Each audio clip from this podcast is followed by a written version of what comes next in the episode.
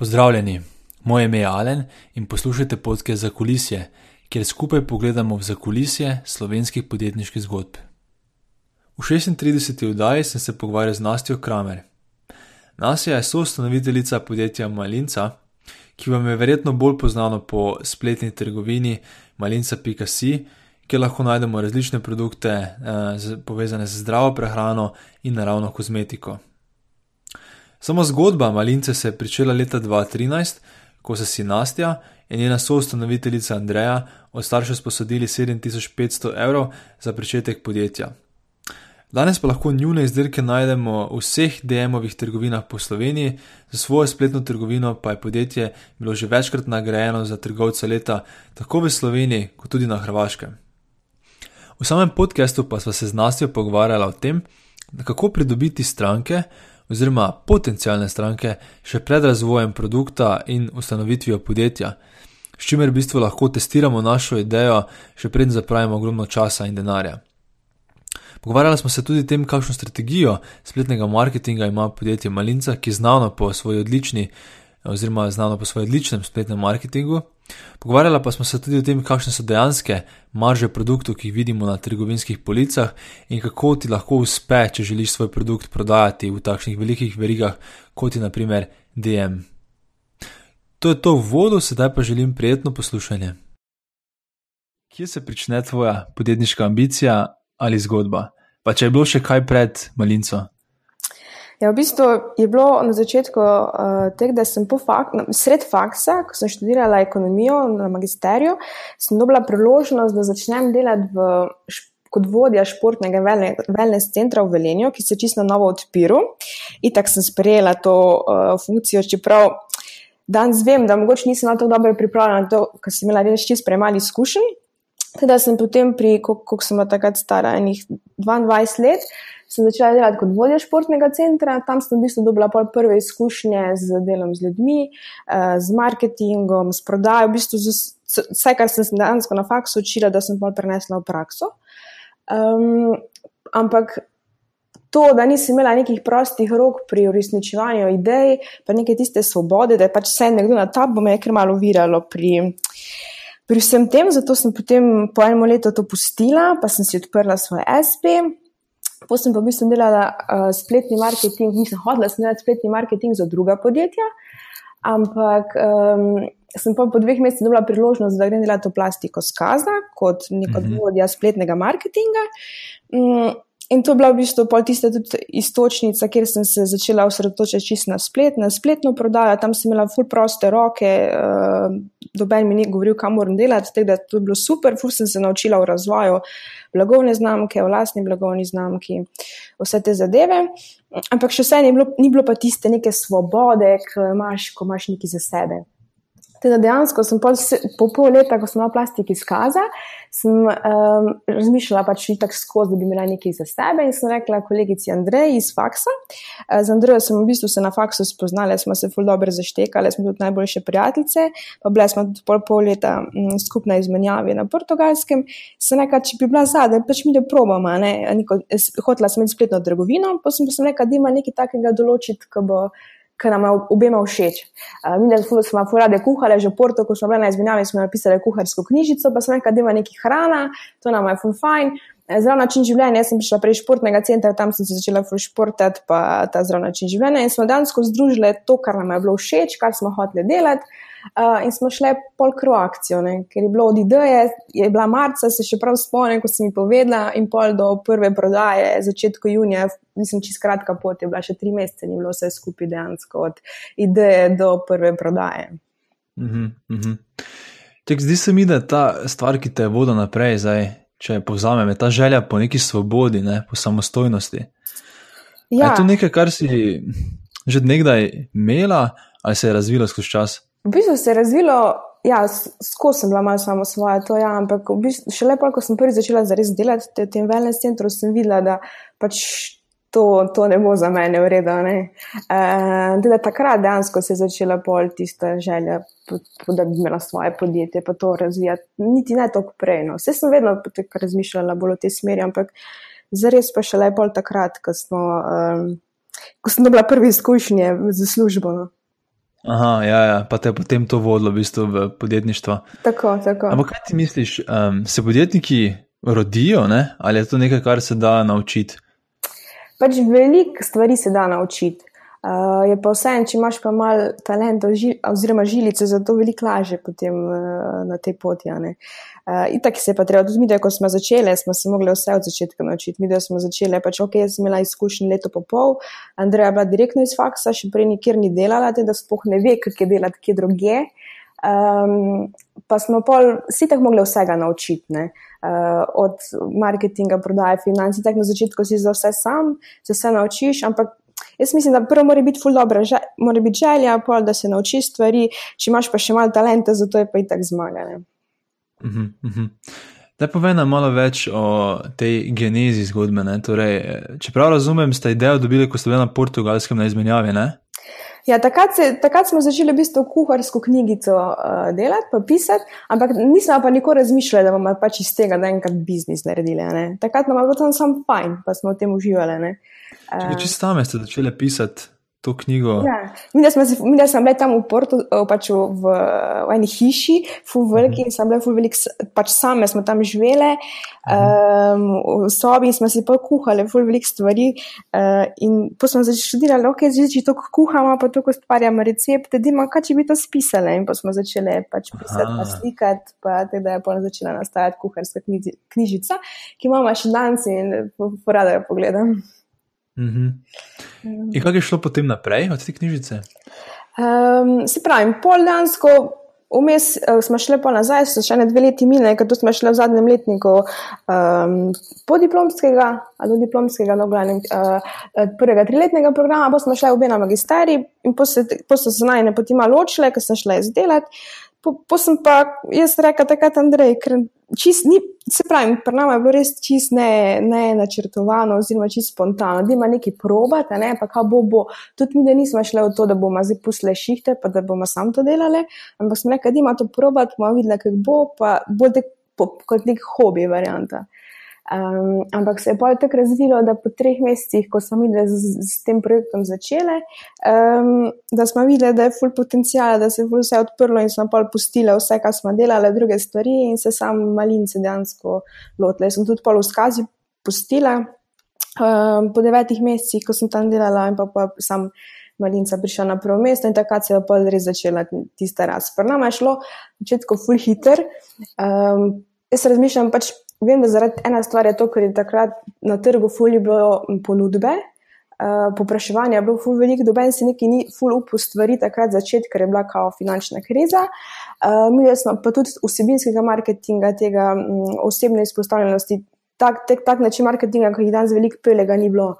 Um, In mi smo v bistvu začeli s tem, da smo se osebno izpostavljali, da smo imeli uh, nek uh, vsebinski marketing, recepte, članke, vsebine, hoteli smo v bistvu te izdelke, kateri so bili povpraševani, narediti tako, da so, kot mi smo začeli z superfoodom na začetku, da bi bili užitni, ker ta superfood, če ga ne znaš pripraviti, ni dober. In mi smo pa razvijali recepte, pa štirili, kako bi naredili neko stvar, ki v osnovi ni dobro. dobro.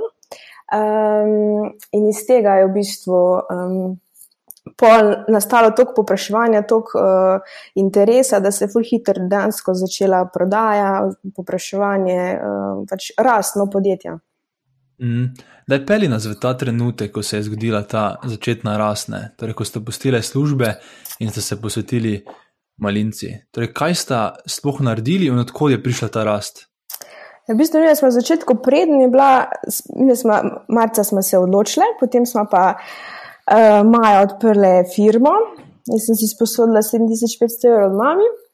In pa smo s tistim naredili uh, spletno trgovino in kupili prve zaloge. Prvi tak nismo vedeli, kam predajali, to je bil tak prvi izziv. Uh, ampak tu smo si pol pomagali z Googlom, da smo videli, kaj ljudje iščejo, počnejo popraševanje, pa če ga v bistvu ni na trgu. Um, pa sem pa dejansko s, tem, s temi izdelki, na začetku sem imela okoli 50, s temi smo začeli. Um, Pol je bilo pa od spletno trgovino, smo pa dizajn, to smo v enem mestu, smo vse zritali, dobavitelje smo našli preko uh, Google, um, smo testirali izdelke in smo šli po krvavci. Da v enem mestu se je pol dansko vse skupaj speljalo. Nismo imeli dobene uh, poslovnega načrta, dobene strategije, noč mi smo pač hoteli čim prej začeti. ne, da akcija. Um, tako da, ja, v bistvu, posebej pa začele, takrat sem se zelo družila z Gregatom iz Ličil, pa z Majo.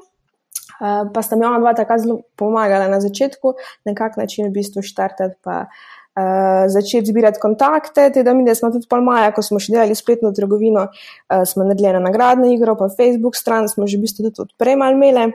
Uh, pa smo začeli komunikacijo že preden smo sploh trgovino odprli. Teda vem, smo, ko smo začeli 1. junija, mislim 5. junija je bil 2013, da smo že imeli ne vem, okoli 700 mailov, pa na Facebooku so imeli 2-3 tisoč in to je bila pač osnova, da smo pol ne, uh, začeli s prodajo. Uh, Če se prav spomnim, v bistvu je zelo podobna zgodba kot pri ličilih. Ja. Če se prav spomnim pogovora z Gregorjem, je on tudi povedal, da sta z Majo imela še prednji, sta sploh začela že. Mislim, da je bilo par tisoč mailov tam. Ne? Ja, ja se to je bila v bistvu čist njegov, njegov predlog. No? Uh, in to sem njega poslušala, uh, Gregata, in na tak način začela. In je bila res dobra istočnica no, za začetek, ker dejansko prvi dan, ko smo dali spletno trgovino live, se je začela prodaja. Ne?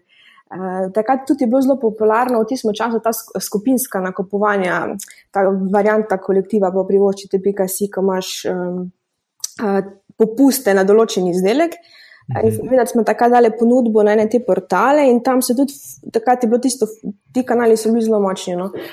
In smo tudi s tistim dober marketing naredili na začetku. Ker odprlo se je, veliko oni so poslali na svojo bazo, ko so imeli ful veliko in se je kar naenkrat nam ful odprlo. Veliko ljudi nas je na, na hitro spoznalo in to je bila tudi v bistvu dobra istočnica takrat. Ampak to smo imeli pač srečo, da se je glih tek naneslo. No?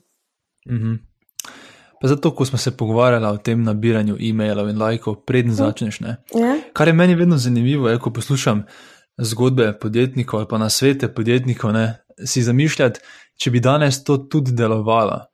A, veš, a se se zadeve tako na trgu spremenile, da je treba. Ne, to lahko jaz povem, da, da, da deluje, ker mi z mojo sestro smo, pa lani smo štartili en projekt za pasje piškote. Eh, pa smo na isti način, v bistvu, še prednjo smo um, karkoli začeli prodajati, smo začeli zbirati maile, komunicirati na Facebooku, uh, na Instagramu in smo dobili tudi bazo enih 500 kontaktov za pač interesante, ki jih zanimajo pasji piškoti. Teda jaz mislim, da se še danes tudi da na tak način uh, pristopiti, mm -hmm. ko, se, ko se je takrat mogoče ni. Dobrega, ni, ni to, ki splena kot takrat, ampak vse se pa da. Ej, super, da peli nas skozi ta primer. Torej to, ste, kaj točno ste naredili, sestro, da ste prišli do teh mailov in teh followerjev in lajkov?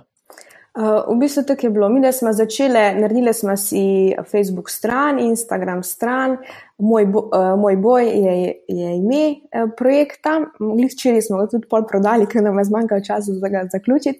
Ampak uh, na začetku smo v bistvu štartali na način, da smo začeli objavljati na Facebooku recepte za pasje piškote, članke, uh, ideje za igranje s kuški, glavno vse, kar je povezavi s kuški, pa na Instagramu isto, pa itak.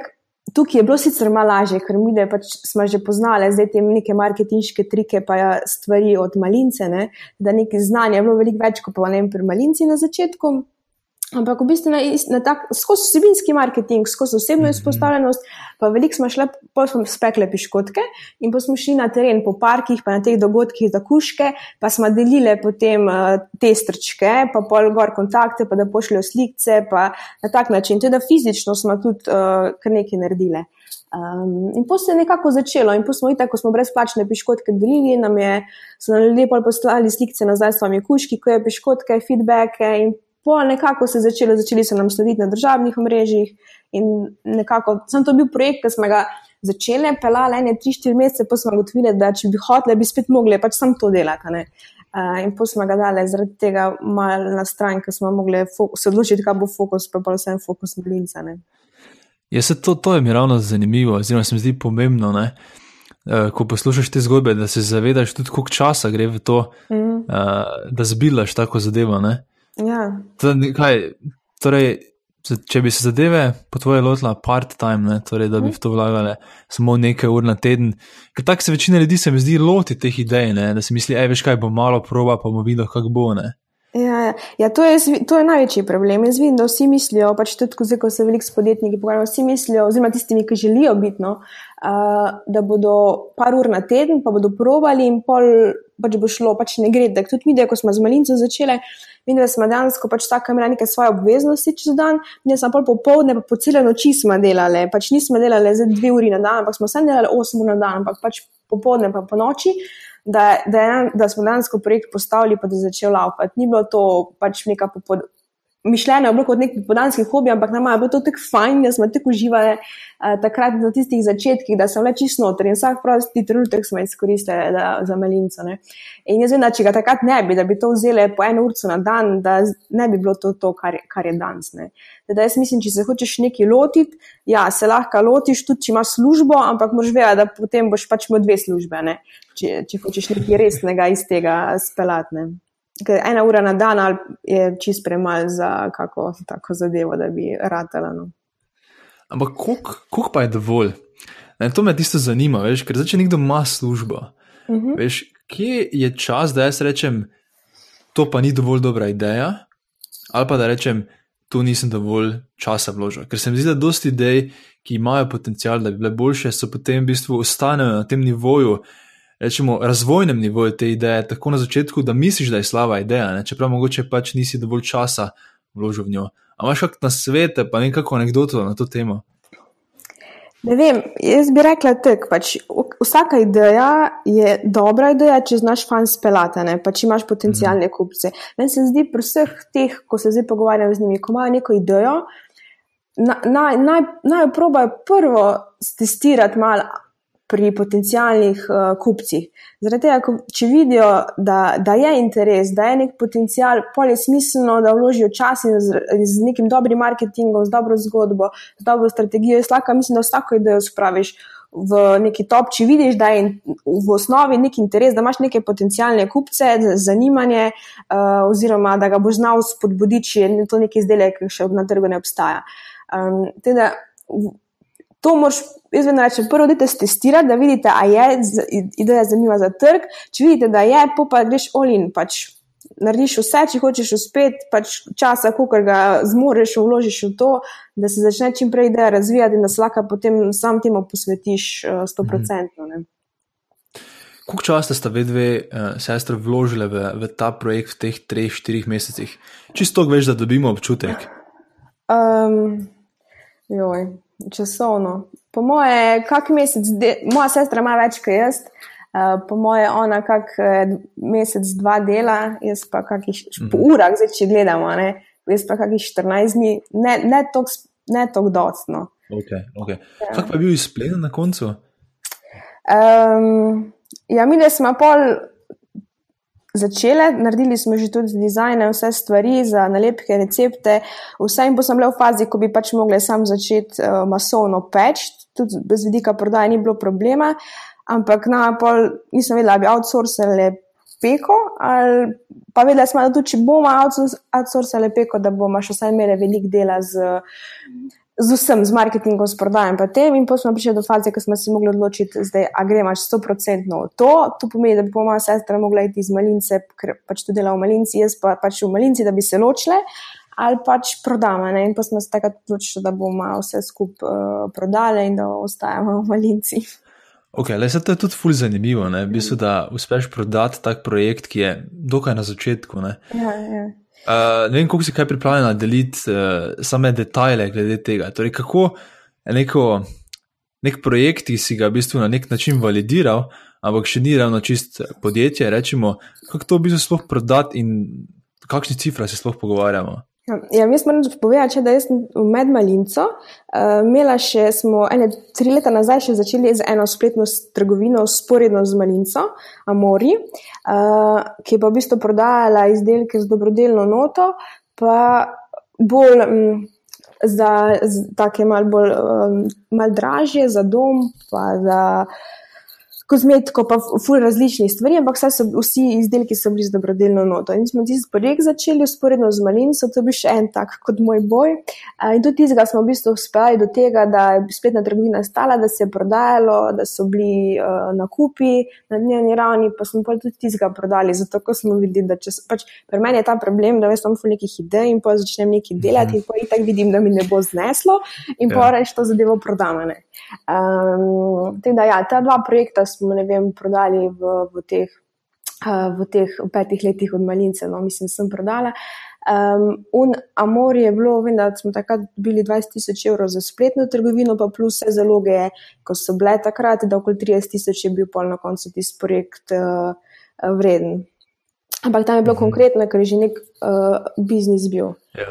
Um, Medtem tale, moj boj tukaj, pa dejansko smo prodali sam Facebook, pa Instagram stran, pa dizajn, oziroma domeno, tu smo pa dva Jurija dobili.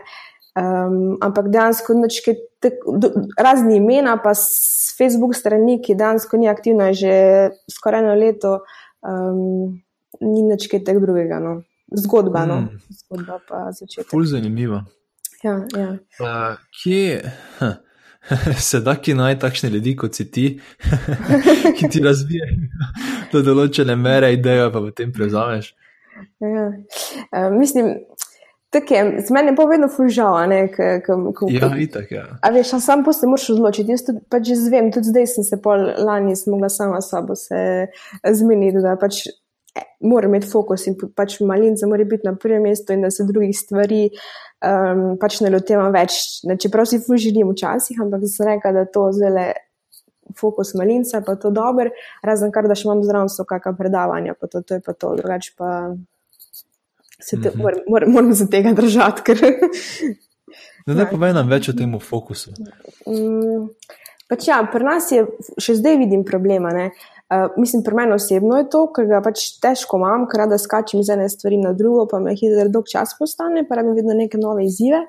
Um, in jaz sem videla v Malinci, da pri nas je bila glavna težava, da teh pet let nismo, prišli mogoče do tja, oziroma naredili vse to, kar, kar bi hoteli, zaradi tega, ker niso imeli fokusa, ker smo bili fura strešeni. Mi smo čist primer. Eh, na začetku začeli s hrano.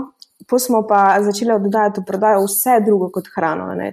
Čeprav je bil plan, da prodajemo samo hrano, ampak potem pa jaz našla ene na japonskem, mene fu dobre hude zobne ščetke iz bambusa, pa smo začeli zobne ščetke prodajati. Potem sem našla ene ful, uh, čevlje z reciklirane gume, pa smo začeli čevlje prodajati. In na koncu smo imeli po treh letih pa pol 1200 izdelkov, cel kaos, dobenega fokusa, sploh nismo vedeli, kaj bi oglaševali, uh, kaj bi prodajali, v glavnem čisti restor. Tudi stranke so bile pa zmedene, ker smo kar naenkrat so pri nas. Smo imeli vse, navajene smo bile pa na hrano in njim ni bilo čisto jasno, kaj se dogaja. Um, da smo pol mogli videti lani, januarja, smo se, smo se dobili par mentorjev, Pa da smo videli, smo, da tek ne bo šlo, ne? ker tudi priho, mislim, prodaja je rasla, ni bilo, ni bilo pa dobička. Ne? In pa smo rekli, ok, zimni moramo nekaj narediti, ne? ker smo v nekem začaranem krogu, nekaj ni ok, fokusa itak nimamo. Ne? In pa smo si par mentorjev dobili in pa smo z njimi dejansko reševali, mislim, povedali, kako situacijo imamo, kakšen je naš cilj. Uh, in se nam oni potem, v bistvu smo pol leta hodili z njimi, pa na izobraževanje, vse stvari, da smo pol spremenili čist strategijo, č totalno. Uh, in da smo pol lani septembra, smo čist na novo začeli. Tudi vse zaposlene smo skoraj menjali, um, strategijo, vse dejansko, čisto, da bi znova začeli lani uh, septembra. Um, ampak je bila ful dobra poteza, ker zdaj, zdaj pa spet začela se furas, pa dobiček in stvari, ki smo jih, ki jih pač prej ni bilo. Ne. Torej, kaj je zdaj drugače? Um, drugače je to, da smo se fokusirali uh, na Prej smo imeli 1200 izdelkov, pa vse, pa svojo blagovno znamko smo razvijali, pa druge blagovne znamke smo prodali, kar itak ne gre skupaj. Uh, in smo se odločili, da bomo samo svojo blagovno znamko razvijali, da druge izdelke počasi izključujemo iz prodaje. Imeli smo že 1200, danes imamo nekaj čez 600, plan je, da do konca naslednjega leta imamo samo 300 še. Uh, pa sem svojo blagovno znamko, to je prva sprememba. Pol druga stvar je, je bila to, da pač, če ti razvijaš svojo blagovno znamko in nima smisla, da jo sam prodajaš, da smo se odločili, da gremo v fizične trgovine, pol po petih letih, da smo pa letos um, marca začele s prodajo naših top prodajnih hitov v drogerijah DM, to 80 trgovin, pa tudi z Lidlom smo sodelovali pri Lojtrci domačih, da so se tukaj začele. Čist neka druga smer, tudi marketing se danes spremeni, ker prej smo delali izključno spletni marketing, danes delamo um, online in offline marketing, ker moramo, ker smo prisotni pač v fizičnih trgovinah. Uh, ekipo smo osvežili, zaradi tega, da je bila neka, da prišla neka nova energija, uh, novi ljudje uh, v, v samo ekipo. To je bila tudi bistvena sprememba, se mi zdi, da se je ful poznala pač razlika. Um, to, uh, začeli smo malo bolj spremljati finance, malo bolj smo analitike, te stvari, ki jih pač, ker prej je bila avtomatsko rasli smo in nam je bil pač cilj, da mu prodajamo, da mu širiti ponudbo, nismo imeli pa neke jasno določene strategije. Ne. Šele pol, ko smo, pa, zdaj, ko smo si pa v bistvu določili, to je šele eno leto, glih zdaj, ne, kar, kar smo to začeli, se pa tudi rast je bila letos bo tam 60% na rast, zdaj na prejšnjo leto, z vidika prodaje. Um, Nemčijo nam je uspelo, ko prej smo tudi skozi hodili Nemčijo, pa Nemčijo, ampak ker ni bilo fokusa, je bilo vse na pol, da smo Nemčijo letošnjem letu spostavili nemški trg. Teda, ful nekih stvari se je spremenilo, v, v vse procese smo se avtomatizirali, čim, uh, vse, kar se da. Uh, spisale, v glavnem, toliko enih sprememb, da je mi bilo to leto zdaj zadnje ful zanimivo, ker se je to uh, dogajalo in ker gre vse za neko to pravo smerno. Imamo nek fokus, ki ga prej nismo imeli, še, še zdaj imamo včasih probleme, ko malo skačemo in sem tja, ampak smi, da smo vsak, vsak mesec pri tem. No. Mm -hmm. Ej, kak, praviš, da ste imeli 1200 izdelkov, ja. zdaj imate 600, ja. radio je prišli na 300. Uh -huh. Wow, mislim, 1200 izdelkov različnih. Da razloži mi, kako narediš analizo, kaj greš iz 1200 izdelkov mm. in potem ugotoviš, kateri 600, 300 bi rad prodajal. Ja, ja itak. Več kriterijev je. Itak prvi kriterij je ta, da hočemo imeti samo svojo blagovno znamko, to pomeni, da izključujemo zdaj izdelke drugih blagovnih znamk iz prodaje. Lotili smo se pa tega čisto postopoma. Prvo smo šli v izključevanje vseh izdelkov, ko niso hrana, pa kozmetika. Um, nas je bilo ful straha, ne, ko smo lani to začeli delati, da nam bo pro, zaradi tega prodaja padla, ker pač, če ti ožaš ponudbo, imaš manj izbire, na Google lahko pade, zaradi tega, ko v bistvu izklaplaš vsebine. Uh, in vse te stvari, teda smo se mogli tega načrtno počasi po, po lotiti, ne, in smo kategorijo po kategorijo zdaj izključujemo iz prodaje, oziroma razprodaje. Uh, včasih nam je ful težko, so kakšni izdelki, ki dejansko se dobro prodajajo, ampak pač, če hočemo doseči to, kar smo si zadali, moramo iti tudi čez to. Čeprav nam je včasih ful težko nekaj stvari izključiti, ko vemo, da pa ne, nam prenašajo vse en, uh, stranke, prihodke ne, uh, in obiskovalce na stran. Da, uh, po, po nekem planu, no, glavno, zelo upoštevamo to blagovno znamko, potem tudi prodajo, iskanja na Google, pozicije na Google, ko imamo pri teh stvarih. Veliki izdelki smo pa tudi, ko so, ko so dansko bili dobro prodajni. Uh, pa iskani, jih zdaj, pod, jih zdaj delamo pod svojo blagovno znamko. Ne? Prej smo imeli druge blagovne, zdaj pa v bistvu neko podobno različico, oziroma malo boljšo nadgradnjo te pod svojo blagovno znamko razvijamo, pa prodajamo že, oziroma še bomo, no? uh, kar imamo v planu. Um, teda, ja. Je to, kar si omenjala, glede tega strahu, veš, da s tem, ko boš imel manj izdelkov, ja. boš imel tudi manj strank. Ne? To se mi zdi fulj zanimivo in tudi nek pogost vzorec. Veš, po eni strani je full sexy ideja, veš, da imaš samo en produkt, pa se uh -huh. lahko mhm. njemu posvetiš, pa uh, lahko potem ga tudi razvijaš, pa mogoče imaš s tem konkurenčno prednost, s tem fokusom. Uh ja. -huh. Po drugi strani pa, kot si sama rekla, če imaš več produktov, lahko tudi nekaj več ljudi. Um, Zajameš. Tako, ne. Mhm. Za kje je, veš, tista. Uh, jaz tudi sam pri sebi, še nisem čist pripričan, pa verjetno je odvisno tudi od panoge do panoge. Um, kje je tista zlata sredina med tem, da lahko tudi sam kot podjetnik se fokusiraš na eno zadevo, pa res daš svoj fokus, pa med tem, da si dovolj širok, da lahko preživiš. Ja. A jaz pa tudi, si širok povezan s preživetjem. Pač, jaz mislim, da en, en izdelek mora biti res ful popraševan, pa ful dober, da lahko sam z enim izdelkom narediš. Pa, Ne. Se tudi gledam ta podjetja, ko ima, začne z enim izdelkom, pa ima kar naenkrat deset variant tega izdelka ali pa spet nekaj novega. Pa to težko je, da bi konstantno sam z enim produktom, um, z enim produktom delal. No. Mora biti res nekaj, nekaj posebnega. Zato jaz vedno tudi spletnim, ko se hoče iti spletno prodajo, rečem, da dajte začeti z z večjimi, ampak ne pretiravati. Jaz mislim, da pri nas bi bila zlata taka neka naj, najbolj optimalna meja, ne vem, okoli 50 izdelkov, maksimalno 100 in tudi do enega hočemo do tega priti, zaradi tega, ker pač kaj se nam začelo zdaj dogajati. Uh, izključ, izključujemo izdelke, ki niso bili tako prodajeni, oziroma ko niso naše blagovna znamka. Uh, s tem imamo več časa, da promoviramo izdelke naše blagovne znamke, pa za katerimi res stojimo.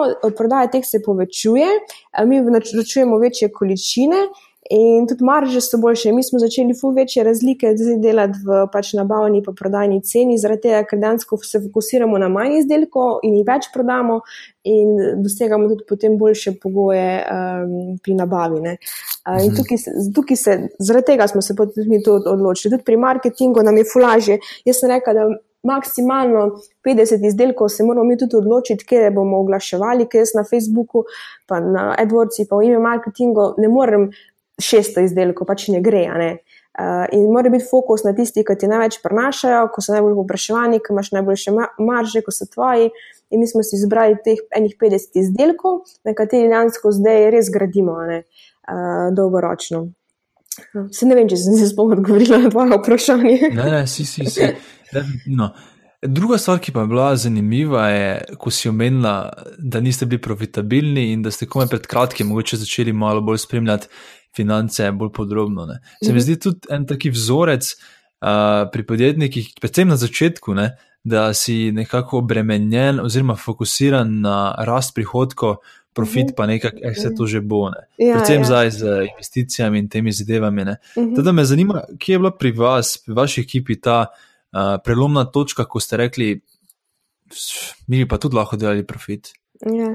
Ja, v bistvu je bilo tako, pravno smo začeli, mi smo začeli prvo leto, uh, Uh, pa pol pošla pa Andreja, s katero smo skupaj začeli malinco v porodniško in tisto eno leto, ki ni, ni bilo, sem jaz pač handlala neko to vse skupaj in jaz, ona drugače finance, ima čez pa računovodstvo.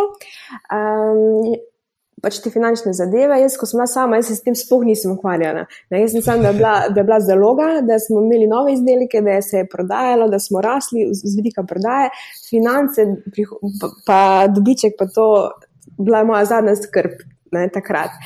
Bo pa prišla Andreja nazaj, pa smo, smo, takrat smo pa malo začeli gledati stvari, pa malo mal več časa je bilo, pa ona se temu posvetila in smo ugotovili, da je tudi ta problem bil, zakaj smo sploh to ugotovili, da, da je to težava, zato ker je postal denarni tok fu velik problem. Zdaj, tega, ker mi dansko vseh 1200 izdelkov smo imeli na zalogi uh, pri nas. In veš, če imaš toliko stvari na, na zalogi, da je full denarja v zalogah in vse je bilo, velik, bilo treba plačati vnaprej, ne, ni bilo zakasnitve plačila in se je pri nas začel ta denarni tok eh, začel postajati problem. Ne. In tukaj smo bo pol, to bil se mi zdi tudi en tak znak, da smo videli, da pač nekaj, nekaj ni ok, mi moramo to malo bolj začeti, a ne spremljati, računati, um, malo načrtovati zadeve in te stvari. No. Da potem se je začelo, pa ni dveh leti pa pol, ko smo imeli firmo, smo začeli malo to. Pa smo se fulovile, ker nismo vedeli, pa sem to probale, pa uno, pa ni šlo. Uh, in danes, ko še takrat, ko smo si res mentorje dobile, uh, pa začele malo se naizobraževati na to temo, so se pa nam začele odpirati stvari. No. To je bilo čisto od ja, lani januarja naprej, no, je, moram reči, da je se začelo potem v, v pravi smeri delati. No.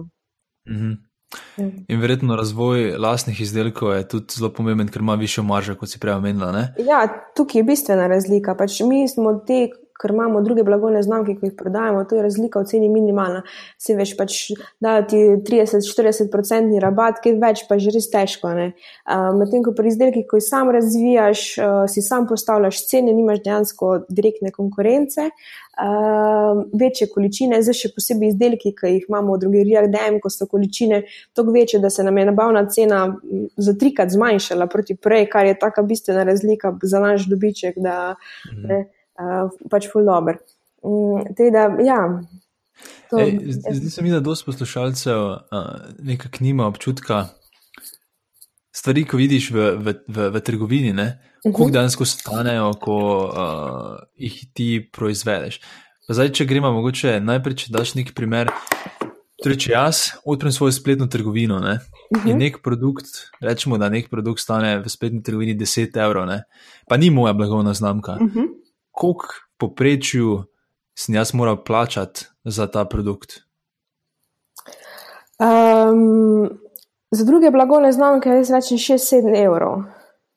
Smo mhm. mogli plačati za to, prodali smo ga pa naprimer za 10. Ampak pač, ko začneš delati računico, ne, to je tudi sem spet, ko se začne spletno trgovino pokvarjati, ker reče, ja, vse 30-procentni rabat imamo, ko mislijo, da je to ful veliko, bomo ful veliko prodali, pa nam bo stalo. Sam, ko sem rekel, le, pač prva osnova je, ti moraš dati, ne vem, 10 do 15 minimalno procentov v stroške marketinga, ker če ne boš tako nič prodal, ker ne boš prišel do strank. Ne. Uh, teda, to je v osnovi, pa če računaš še stroške dela, vse fiksne stroške, vse, kar pač nastane, s 30% pač nikoli ne prideš skozi. Mi mogo res masovno, masovno to prodati, da bi se ti to shodilo, ampak na začetku itak veš, da, da, da ne prodaš to. Uh, zato jaz vedno rečem, da pač, ok, pejte v spletno trgovino, imejte izdelke, sam če boste prodajali druge blagovne znamke s 30% rabatom, lejte vam. Ne, pač jaz skrbim, ne bom ratala, ker je brez veze. Pač ne, mislim, ni, ni računice, ni. Um, teda tukaj, tukaj je bila naša država, ker mi smo isto na začetku razmišljali, pač to jaz povem iz vlastnih izkušenj, ne, da pač s, tak, s, s, tak, s tako malo razliko v ceni pač, uh, ne gre dobro delati. Ker pa, ne, pa pokriješ ti neke stroške dela, pa ostale poti za marketing, nič ne ostane in ker to je začaran krok, ker mi smo rasli točno tako, mi smo se na začetku naredili. 12%, oziroma na začetku je bilo 15%, gre v marketing. In vsak mesec, naprimer, na začetku prvi mesec je bila prodaja 5 jurjev, smo dali od 5 jurjev 15% na naslednji mesec v marketing. In na tak način smo, tako krožili, pod neko tem vsak mesec smo imeli več prodaj, vsak mesec smo več vlagali v marketing, ne, vedno po procentih. In na tak način je v bistvu malinca začela rasti, uh, nekot, um, pa se še prodaja in. Um, um, poznavanje malince. No. Mhm. Da smo dejansko imeli nek procent in to vlagali v marketing. Ampak to, ampak to je bil pa pravi problem, ker smo imeli pa izdelke s takimi nizkimi pač rabati prodajale, da se pa, ok, mi, mi smo se držali pravila, v marketing bo vedno šlo toliko. Pa ni ostalo, ali ni ostalo za plače, ni ostalo za uno, pač za neki ni, ni ostalo potem denarja. Um, teda, tukaj je zelo pomembno, no, da so cene ok nastavljene, ker tukaj to je največja težava. No. Druga težava, ko pa vidim pri spletnih trgovinah, je pa strošek pošnine. Tu se je tudi tako veliko zakalkulira. Tudi mi smo se na začetku, ker smo postavili dejansko premalega in pa smo ugotovili, da mi vem, 70% pošnine mi krijemo na koncu. Ne. In eh, tam se nam je tudi pol minus poznal, ker smo mi to poštine krile. Pa še male, kljub temu, da smo imeli male marže, ne, kar itak se ti na koncu ne shodi.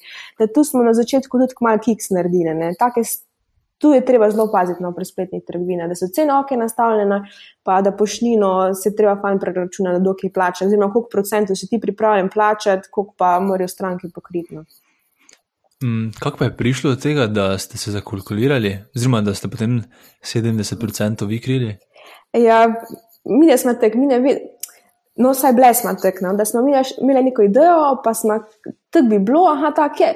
Nismo bile tako, da bi ful kalkulirali, pa preučili, pa to dobeno na nek analitičen tip človeka in tukaj je ful mhm. problema. Ne.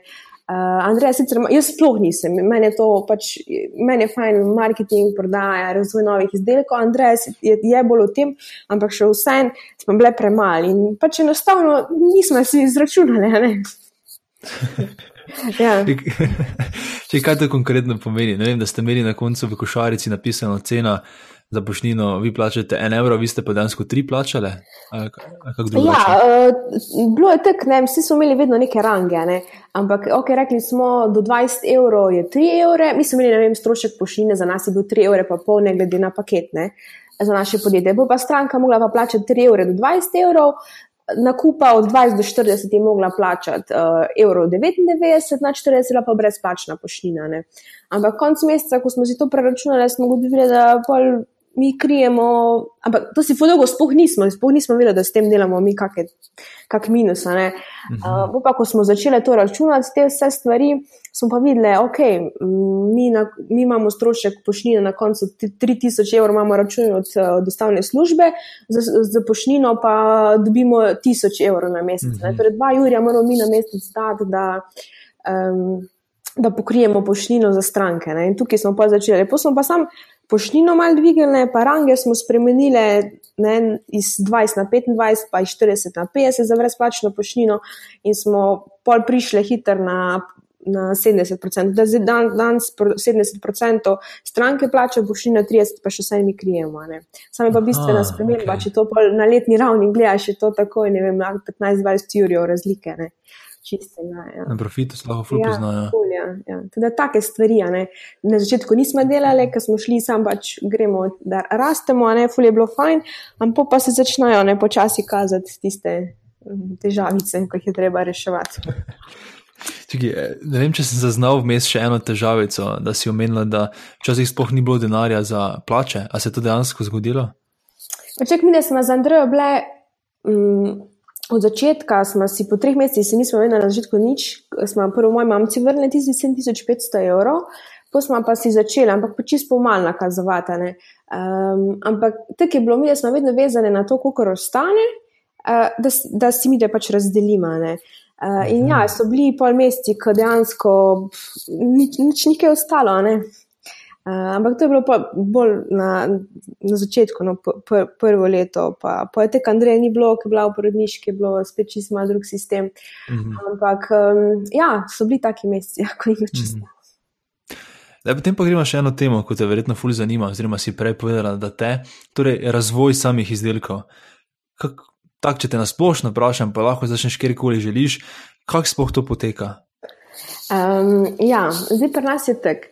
Um, naslednjo leto imamo čisto konkretno plan razviti pet novih izdelkov, zdaj lotiti, kako se noga izdelka. Pri nam je predvsem to, da vidimo, da je povpraševanje da je interes. Jaz vedno preverim, da so iskani. Mi razvijamo izdelke dejansko ne tako, da bi kar neki na, neki na blef, kar še spoh ni, pa da bomo pol ustvarili neke ciljne uh, stranke za ta proizvod, ampak proizvajamo izdelke, po katerih je povpraševanje, pa izkušamo neko nadgraditi v malo bolj kvalitetne, oziroma naravne, oziroma bio. Um, in nam je zelo pomembno povpraševanje strank, potem uh, koliko so iskanja na Google. Uh, kak je, koliko je konkurenca, koliko je že, kakšne so cene na trgu. Uh, v bistvu, ful nekih dejavnikov imamo cel seznam, kam moramo upoštevati. Um, to gremo pri vsakem pač izdelku, ko imamo idejo, da bi ga pod svojo blagovno znamko prodali, gremo čez vse te kriterije, vidimo, kje smo, potem pa začnemo iskati proizvajalce.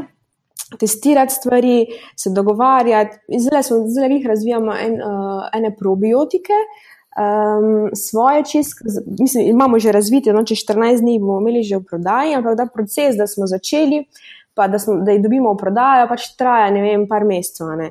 Um, Malo je lažje, ker mi sami nič, nič mi ne proizvajamo, vedno imamo zunanje izvajalce, ampak vse to skupaj skoordinirati, pa zaznati potencial, pa to pa pač traja par mesecev, da pridejo same ideje do pol uh, prodaje. To je zdaj, ker včasih, ko smo, smo dejansko eni rekel, to je fajn, pa smo kar vključili, mislim, na drugačen način smo delali, zato tudi to nastavlja, smo imeli tako veliko ponudbo izdelkov. Zdaj, po novi strategiji, pa je to čim, čim drugače delam, veliko bolj strateško, veliko bolj premišljeno in načrtovano. In se tudi dejansko pol ful pozna, da so ti izdelki, ko jih na tak način vključujemo, res pol prodajni hitine. Mm -hmm. Lahko mogoče deliš tako en, en konkreten primer, si izberi uh mhm. -huh. nekega produkta, ki ti je še posebej pri srcu, ali pa kjer je zanimiva zgodba. Pa nam povej, kako je potekalo od tega, da ste dobili idejo pa do tega, da je potem se to znašlo na policiji oziroma na spletni trgovini. Okay. Vse dejansko pri vseh je pri, približno enako. No? Uh, lahko povem za tale naš Happy Coco Mix, ki je bil tudi polo Lidlovi lojtrici domači, pa tudi dajemo ga prodajemo. Gre v bistvu za zdravo različico kakava, ki vsebuje uh, bio sorov kakao, najboljše vrste kriolo, potem pa smo mu dodali še uh, namest navadnega sladkorja trsnega, smo mu dali bio kokosov sladkor. Uh, pa celonski cimet. Ideja je v bistvu nastala, ker je Andreja imela mm, dojenčka, oziroma ko je že mal, naš aljaž bil mal starejši, um, da pač ni imel hota tega kakava iz trgovine, ki ima tako ful cukra noter. Ne? Uh, in tukaj je bilo, da bi neko zdravo različico kakava, in ona mu je pol v bistvu doma mešala, koliko so sladkor, pa surov kakav ne, uh, skupaj. In iz tega je neko nastala ideja, potem kaj če bi pa mi kar mešanico naredili, ne, da da, ne, da ne bi rabila vsako sestavino posebej. Prvo smo imeli paket v spletni trgovini, ki smo naredili paket, ki si vse tri sestavine kupil posebej, pa si lahko doma z vseh treh skupaj naredil kakao. Mhm. Pa smo pa iz tega videli, da to se zelo dobro prodaja in pa smo iz tega šli na pač naslednjo stopno, da imamo pač krmi mešanico že narediti, ne, ki bo to vse vsebovala. Uh, pa smo šli pa razvoj, testirali smo. Različne okuse, različne procente, koliko česa notri, kak je najboljši, kjer kakao, kjer je kokos sladkor, pa da so dobavitele poiskali. Mm, potem naslednja faza je bila, eh, da smo našli pakirnico, ko nam bo to mešala eh, po naših recepturah. Uh, pol je bil dizajn, da smo nalepke, deklaracije, pa te stvari zrihtali. Potem se je začela i tak promocija. Načeloma, pač prasite, da grejo stvari dokaj hitro, kot se da, morajo biti hiter. Um,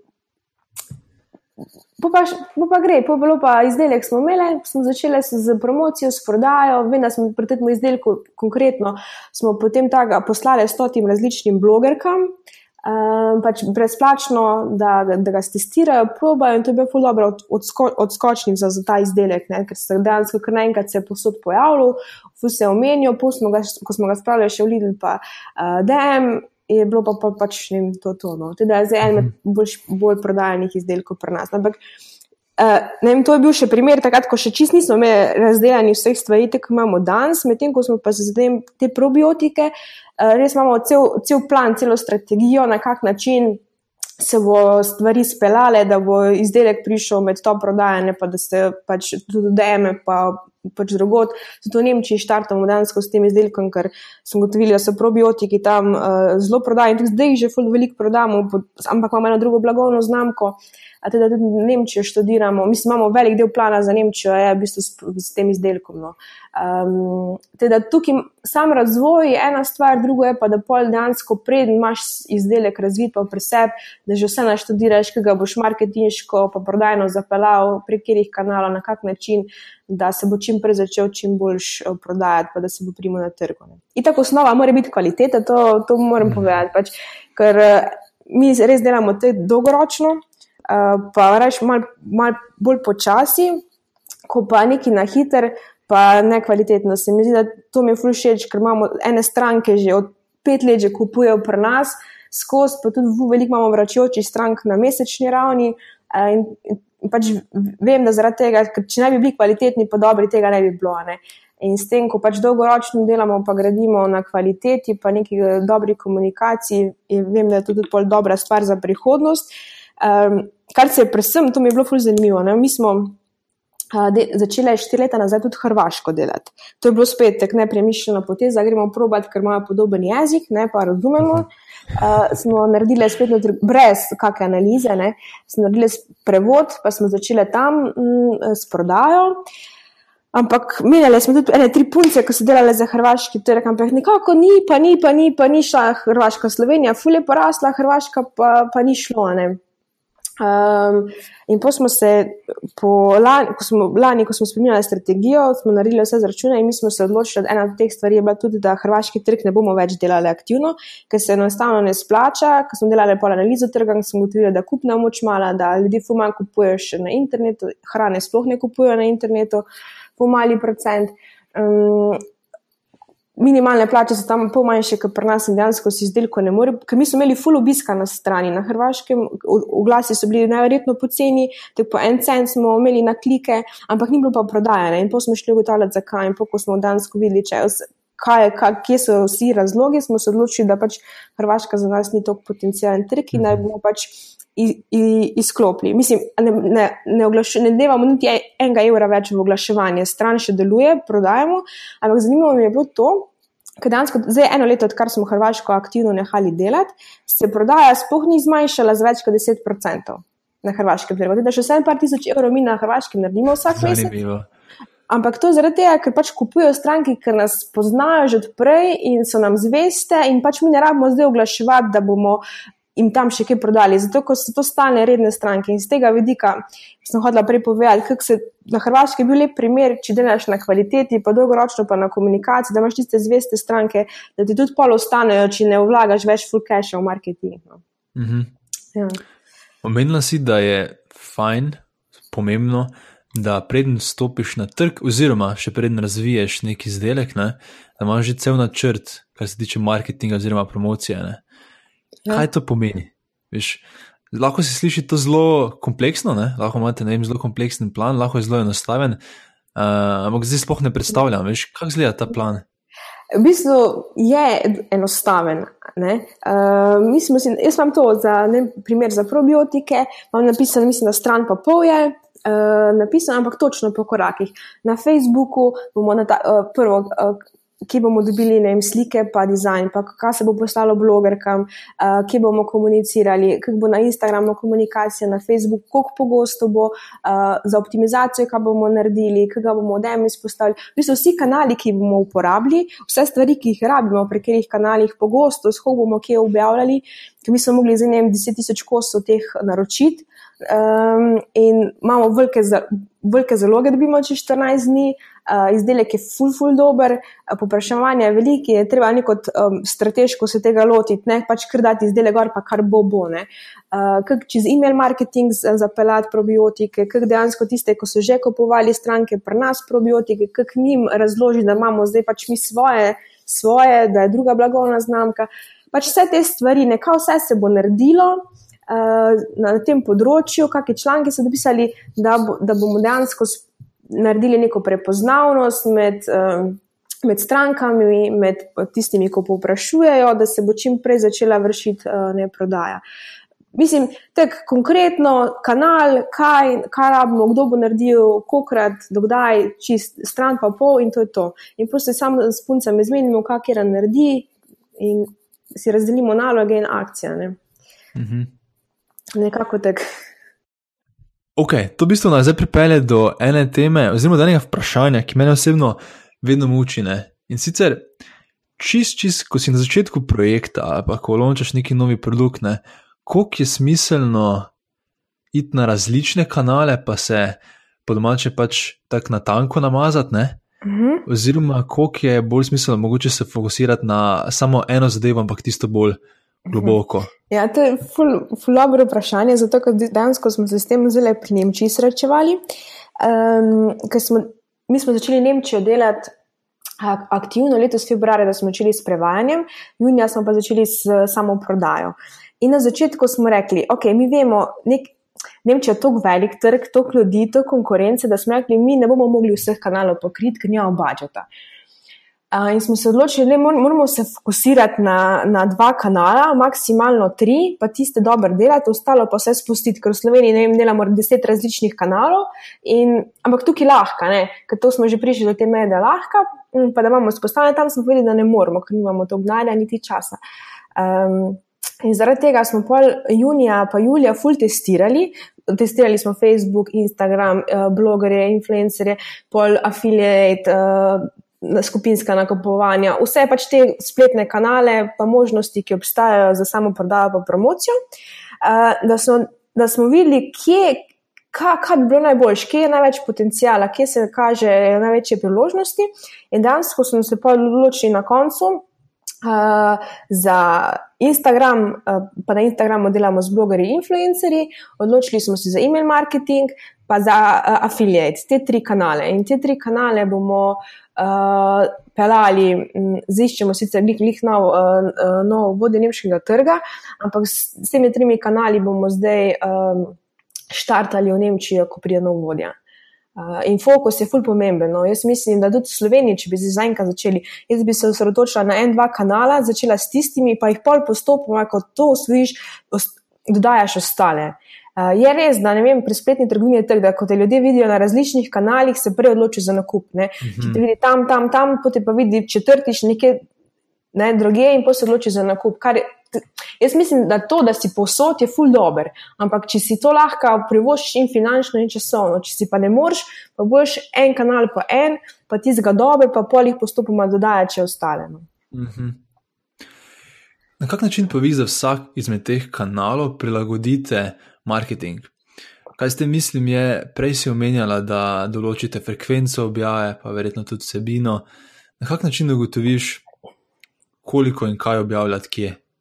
Um, kolikrat smo testirali, to čisto testiranje. Mi smo testirali en čist email marketing, da smo pošiljali enkrat na teden, enkrat na 14 dni, dva, enkrat na dan, vse variante. In pa pač gledaš, kera varianta tista, da ti prenese dejansko največ izplena, največ obiska na stran, eh, da ljudje največ odpirajo, da največ kupujejo. In mi smo prišli pač do spoznanja, da če trikrat na teden pošiljamo, je za nas to najbolj optimalno. Ampak jaz mislim, da to mora vsak pri sebi pogotoviti, pri svoji dejavnosti, koliko je za njega najbolj optimalno. Mhm. Uh, pri nas je dvakrat do trikrat na teden, večinoma trikrat pošiljamo, uh, in tukaj se je pokazalo tudi uh, pač najboljši rezultati z vidika prodaje. Uh, isto Facebook, ne? mi smo na začetku imeli full objav, zdaj ko organskega dosega praktično je zelo slab. Imamo dve, tri objave na dan, imeli smo jih tudi prej, pet, šest na dan objav. Uh, treba se prilagajati tudi pač ne, ne, ni tako, da enkrat testiraš, pa pol skozi isto, ampak moraš skozi malo gledati, v katero smer se pač stvari odvijajo. Teda dejansko pogosto, predvsem z, z testiranjem, kaj objavljamo, pa dejansko zelo podobne stvari. Mi imamo eno stvar, ki je na vseh kanalih skušamo na isti način komunicirati. Ni tako, da bi pač vem, Facebook bil full drugačen od e-maila ali pa uh, Instagrama. Ne? Imaš eno zadevo in jo pa na vseh kanalih skušaš na podoben način komunicirati. Ni to bistvenih razlik. Ok, e-mail je malo več, ki pač malo več napišeš, se malo bolj razpišeš. Instagram je skušam malo bolj osebno držati kot Facebook, ker imamo profil malinca Nastja, ni malinca. Uh, teda, male, male razlike so no, v sami komunikaciji, ampak ni pa zdaj takšnih bistvenih razlik, no, na kak način komuniciramo. Mm -hmm. Je ravno kar poteka tvoj uh, Instagram izziv, ali lahko malo ja. več o tem poveš? ja, um, to je bilo čist. Um, V bistvu malo iz fore, prišel malo pa za resno. Uh, Instagram je zdaj trenutno naš najboljši kanal, z vidika uh, komunikacije z strankami, uh, brandinga, tudi proda prodaja iz Instagrama vsak mesec nam zelo raste. Uh, pač vidim, v Instagramu vidim full potencijal. Pač najlažji način potem, da prideš do novih sledilcev, pa da so tisti nekot. Ok, da niso, tisti, da niso kupljeni ali pa ne vem, kar neki fake, je z nekim, z nekim projektom. No? In iz tega vidika sem jaz pa rekla, ok, da moramo nekaj narediti, da si malo pobildamo še bazo, da bomo imeli več sledilcev, ker je pač Instagram zelo ful dober dela, ful dober kanal. Uh, in so zaradi tega smo pa dejansko ta projekt uh, študirali, na kak način bi ga zapeljali. Uh, in smo pa to kot neki izziv, da mi dala malinca Andreja izziv, da izberem 15 tisoč sledilcev do konca tega meseca. To pomeni, da jih moram zbrati 2400 novih v 20 dneh zdaj 600 sni, že še Jurje 800 jih imam.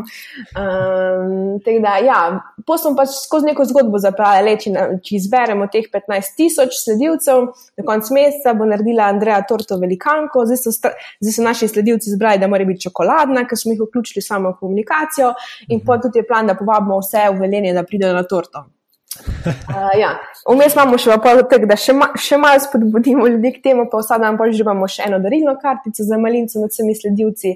Pač to, da jih malo mal razvajaš, da jih malo spodbudiš komunikaciji, da je malo zabavno tudi za vse. Pač vsi, vsi se mi zdi, pa na koncu imamo vsi nekaj od tega. No. Mm -hmm. ja. Lej, pogovarjaš se z verjetno največjim, pa, ja, velikim začetnikom, če ne največjim v Sloveniji, kar se tiče Instagrama. Jaz sem si mislil, da je Instagram profil ustvaril takoj, ko je Instagram app se ustvaril in takrat se ga skoraj da več ne dotikam, ker je pač bil prazen, ko sem ga začel uporabljati. Jaz sem še vedno na Facebooku. Nimam pojma, sploh nimam pojma, kako kot podjetje priti do followerjev. Ja. Naprimer, če iz tega naredimo en case, ne. rečemo, uh -huh. evo, za kulisijo mi je nekdo rekel, hej, ali ti bi za kulisijo lahko imel Instagram. Uh -huh. Ok, dobro, ga bom naredil. Ne. In um, zdaj danes, ko imam 50 followerjev, pojma nijem, kako me je ta folk našel, niti pojma nijem, kaj naj objavljam, pojma nijem, spoha naj s tem delam. Kaj bi mi ti predlagala? Zdaj, ena prva stvar je to, da eno, dve leti nazaj je bilo ful lažje dobiti eh, sledilce kot danes. Odkar je pač uh, Facebook kupil Instagram, pa so se manj ti algoritmi pa vse spremenili, uh, je, je teže no, uh, kot ne vem, leto pa dve nazaj, to je prva stvar. Druga stvar je pa.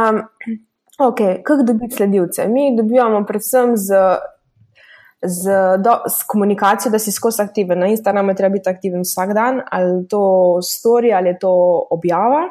Uh, potem so zelo pomembni pri Instagramu ti hashtagi, ki se uporabljajo. Da uporabljaš hashtage, ne vem, ti, ko imaš ne vem, podcast, pa izobraževanje, pa podjetništvo, pač te, te teme, ki jih ti pokrivaš, da se dejansko v vsako objavo te hashtage dodajo, ker ljudje dejansko fuliščejo po hashtagih, pa pol sledijo. Uh, ljudem, ki uporabljajo te hashtage. To smo mi videli, ko smo začeli jih uporabljati, smo full followerjev dobili na, na, na tak način. No. Uh, sicer danes mogoče malo manj, pa ne vem kako leto ali dve nazaj, ampak še vse se full dane. Uh, tukaj sicer velja neka pravila, da jih ne smeš preveč uporabljati, ne, tam od 5 do 10 še gre, več pa tudi z vidika Instagrama algoritma ni ok. Teda to je ena stvar. Možnost je tako tudi zdaj oglaševanja na samem uh, Instagramu, teda v bistvu skozi neko oglaševanje. Uh, skozi, mi smo veliko dobili tudi skozi kakšne take projekte, ko imamo zdaj tega uh, za, za torto, oziroma z kakimi nagradnimi igrami z, in s konkurenco, oziroma z, z, podjetji, ki imajo podobne ciljne stranke kot mi. Uh, to, pa mi vedno vse kupce iz Facebooka in usmerjamo tudi na Instagram, iz e-mail liste. Pač mi smo se odločili, mi hočemo zdaj zbildati bazo na Instagramu. In ti pač hočeš potem iz vseh ostalih kanalov, ki jih že uporabljaš, pa že imaš vzpostavljene ljudi pripeljati na to omrežje, ki si se ga lotone. In mi pač smo zdaj že kar nekaj cajt, ljudje iz, iz Facebooka vodimo na Instagram, jih rečemo, da nam tam sledi, tam smo uh, še bolj osebni, tam imamo storije, ki vidite, kaj se dogaja v našem podjetju, ko smo aktivni. Ne? Da jih v bistvu tja peljemo in iz email marketinga jih probamo tja peljati. V bistvu vseh ostalih kanalov, ki jih uporabljamo, izkušamo zdaj neko spraviti uh, na Instagram. Mm -hmm. Uh, tukaj smo jih tudi veliko dobili. Tudi, vem, vsi kupci, ki dobijo paket, imajo noter. Uh, zahvalo, pa neko kodo za popust za naslednji nakup. Pri vseh piše tudi, lahko nam sledite na Instagramu, pa nas tegate, pa kere hashtage morajo uporabiti, če nam, če nam karkoli objavljajo. In smo reči, jaz čist, čist vsak dan dobim vsaj ene, dve, tri objave od naših strank na Instagramu. Ali so to slike, ali so to storije, ali ko kuhajo, ali naši, ko naš paket odpirajo.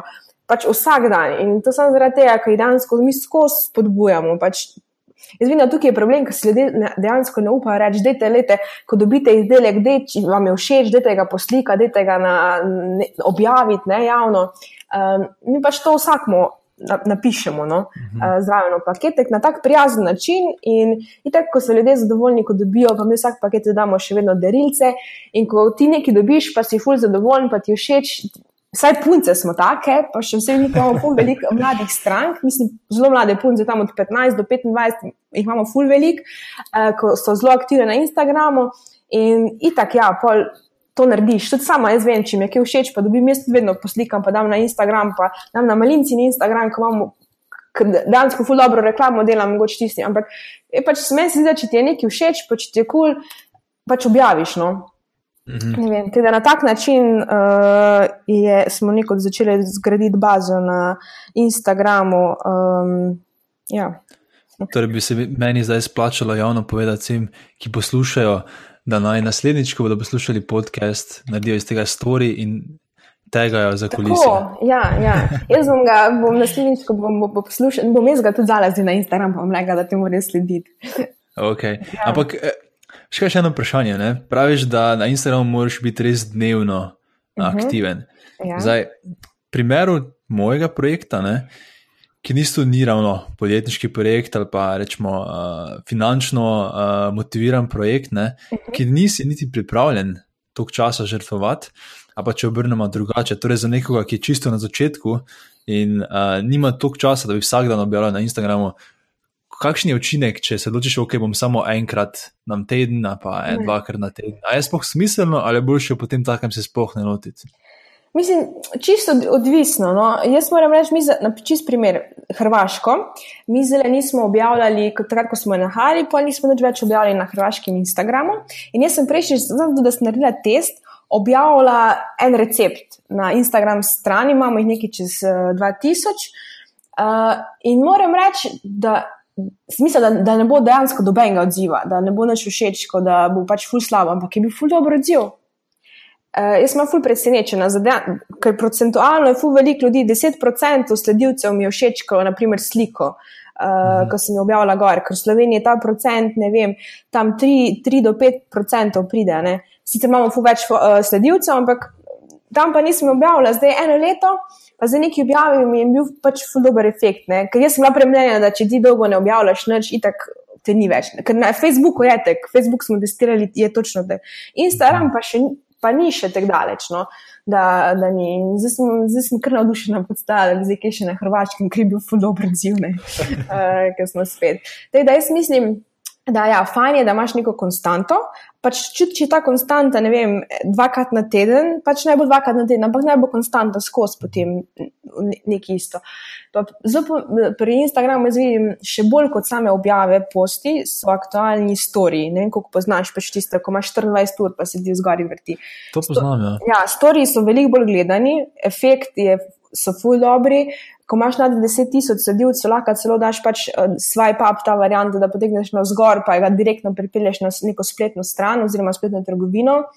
Uh, in uh, mi, jaz imam vidnost, ne vem.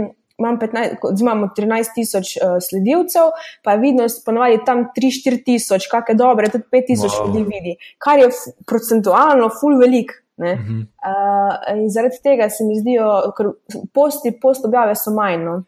Uh, Medtem ko sami storiji so pa zelo izpostavljeni, zelo vidni, veliko ljudi jih pogleda. In uh, v storjih je zelo full potencijal, no največ na Instagramu. No. Ok, prima do naslednje teme in sicer um, ti in uh, Andreja ne, se pri tej ideji kar osebno tudi izpostavljate, ne? kot si že uh -huh. sama mhm. povedala, je to celo vajna strategija. Ja. Um, in v enem intervjuju sem te slišal reči tudi, da na tak način bi se v Sloveniji gradiš zaupanje pri strankah, uh mhm. -huh. predvsem pri spletnem nakupovanju. Ne? Zakaj je temu tako? Um, mislim, mi smo začeli zelo na začetku zelo se osebno izpostavljati, zaradi tega, ker pač. Ti, ti veš, ko priješ v fizično trgovino, dobiš takoj stik, nek fizični stik z neko osebo. In jaz vem, da ko nekdo prije k meni v fizično trgovino, ki imamo, mu veliko lažje pove stvari, prodaš, konc koncev, mu razložiš zadeve, nek stik je čist drugačen. Na internetu je to ful težje vzpostaviti. In jaz vem, da če bi imeli, imaš ti neko golo spletno trgovino in ne veš, kdo stoji za njo. Se teže odločiš na nakup, še posebej ljudje, mi v Sloveniji smo pred petimi leti bili zelo nezaupljivi v spletno nakupovanje. Danes je že malo boljše, ampak še vse ni stanje tako, kot pač bi lahko bilo. In jaz sem pač to taktiko, pravi zaradi tega, da, da vidijo ljudje, da kdo je od zadaj, kaj počnemo. In tudi kot, ti pa nastopiš kot nek uh, influencer, ne? ti pač objavljaš, eh, kuhaš, objavljaš recepte, ljudje pa sprobajo tvoje recepte, kupijo pa sestavine, ki si jih ti uporabil, tvoje recepti, skozi nek tak način. In jaz mislim, da to bila ena ključnih stvari, prednosti, mislim, st ja, prednosti, ki smo jo imeli na začetku, da nam je ratalo, pa tudi danes, dejansko še veliko skozi to delamo. Pri nas je bil sicer vmes problem, ker smo se pač fully izpostavljali pri, pri tej izpostavitvi je tudi zelo pomembno, da si narediš neko mejo, dokam, bo, do, dokam greš, dokam pa ne. ne? Ker neke stvari se mi zdi, da morajo ostati pač zasebne. No? Mi smo se pa odločili, ne vem, partnerju, pa otrok, pa ne, ne, ne bomo izpostavljali. Pač neko mejo si je treba dati na začetku, ne? pač kaj ja, kaj pa ne. Uh, to se mi zdi pomembno, pa nismo imeli vmes pol problem. Ker smo se začeli tako izpostavljati, tudi v medijih in posod, uh, smo, tak, smo imeli en projekt, samo promocija, ker smo dejansko vsem medijem poslali, to pa to smo naredili v tem, tem času. In smo imeli kar naenkrat ful nekih intervjujev, v nekih oddajah smo bili in smo bili medijsko zelo izpostavljene. Uh, to se je sicer na prodaji ful poznalo, je pač podjetje furasto takrat, uh, ampak se je pa problem začel na drugi strani, ker nas je pa konkurenca začela potem inšpekcije poši, pošiljati, pa mi smo imeli res eno leto vmes, celo eno podjetje v tujini, da smo lahko skanjali zadeve. Uh, um, ker je bilo fu velik pritisk, se je začel iz strani um, konkurence na nas vršiti. Uh, in takrat smo se mi odločili, da se pa ne bomo več izpostavljali, pač, da, da, mal, da gremo malo nazaj. Ne? In takrat smo tudi polfulu, naš, naših slik ni bilo nekaj časa, uh, če smo, smo še malo mal smo se pač skrili, ker nas je bilo enostavno pač strah, da te pojejo. Mi smo bili pa tudi neizkušeni in nismo imeli kako reagirati v takih situacijah. Um, teda šele potem, ko smo pa ne, vi, malo spoznale ta sistem, pa malo izkušnje dobile, pa smo pa spet začele nazaj uh, se ja, izpostavljati, ker se je pa poznalo, poznalo se je pa, ko smo se nehale izpostavljati, da se pa rast ustavlja, ker pa smo furasli, mm -hmm. pa se je ustavilo, pa smo pa rekli, ok, nekaj moramo narediti. Ne? In mislim, da je bila tukaj ena ključnih zadev. Kar smo pa spet spremenili, da smo spet mi začeli osebno komunicirati, se izpostavljati, da je spet šlo gorne. Um, mislim, da ena od stvari je bila tudi to. Da meni se zdi, še fully odvisno, kakšne izdelke prodajaš. Ampak pri tem, kaj mi prodajamo, kozmetiko, naravno, uh, zdravo prehrano, se mi zdi zelo ključnega pomena, da se ti izpostaviš, da ljudje vidijo, kdo je od zadaj. In kar je meni bilo fully zanimivo, da. Na, ko smo delali novo spletno trgovino, smo letos januarja lansirali in ko smo gledali, kje stvari bi vključili na samo naslovnico, je bila na stari spletni strani zgodba najbolj klikana stvar na spletni strani. Mm. In tisto je bilo meni, jaz sem to najbolj šokiran, da največ ljudi na spletni strani klikne na zgodbo. Ne? In ljudje dejansko hočejo vedeti, kaj je od zadnji uh, podjetja oziroma tega, pač kdo stoji od zadnji, na kak način se je začelo. Uh, zgodba, še danes, zgodba je zgodba, zgodba je nekaj najbolj pomembnega no, pri mhm. samih uh, izdelkih, projektih, uh, da te ljudje nekod začutijo. To je vedno bolj pomembno. No.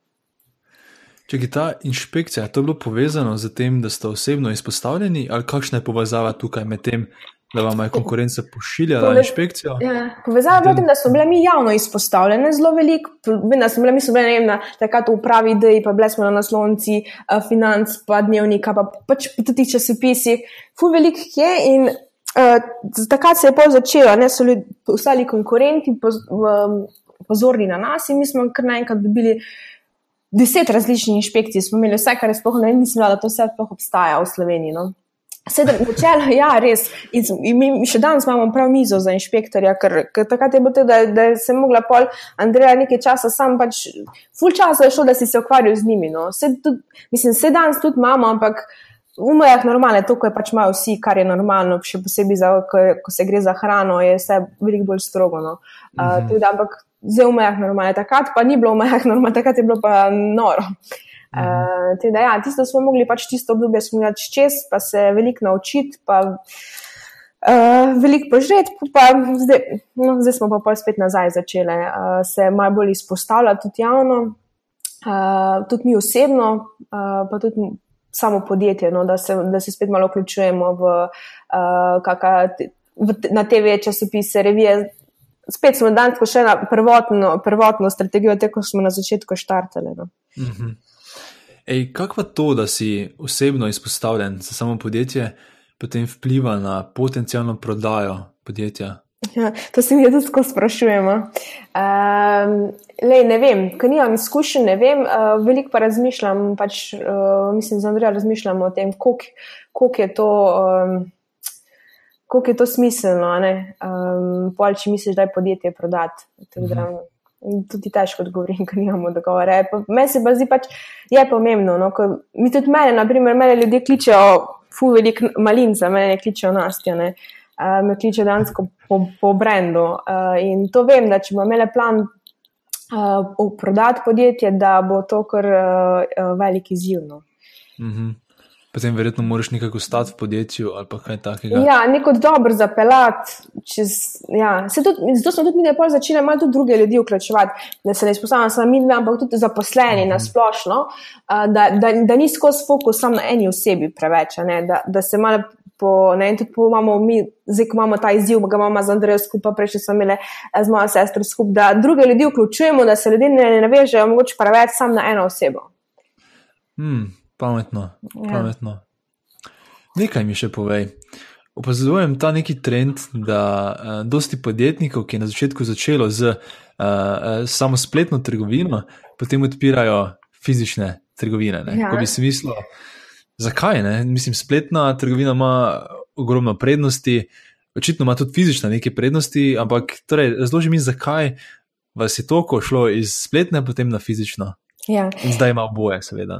Mm, um, tako je. Mi smo na začetku, um, imamo eno fizično trgovino svojo v Velenju. Uh, odprli smo jo takrat samo zaradi tega, ker je ljudje iz Velenja so hodili k nam osebno prevzemati pakete in to, kot je pri eno pisarno, nam je šlo na koncu pol full časa. Zato, ker vedno je nekdo prišel, pa se pa i tako pogovarjaš, pa, ja. pa pokaže stvari. Na koncu mi nismo več nič naredili, ker sem imela skozi obiske. Ne?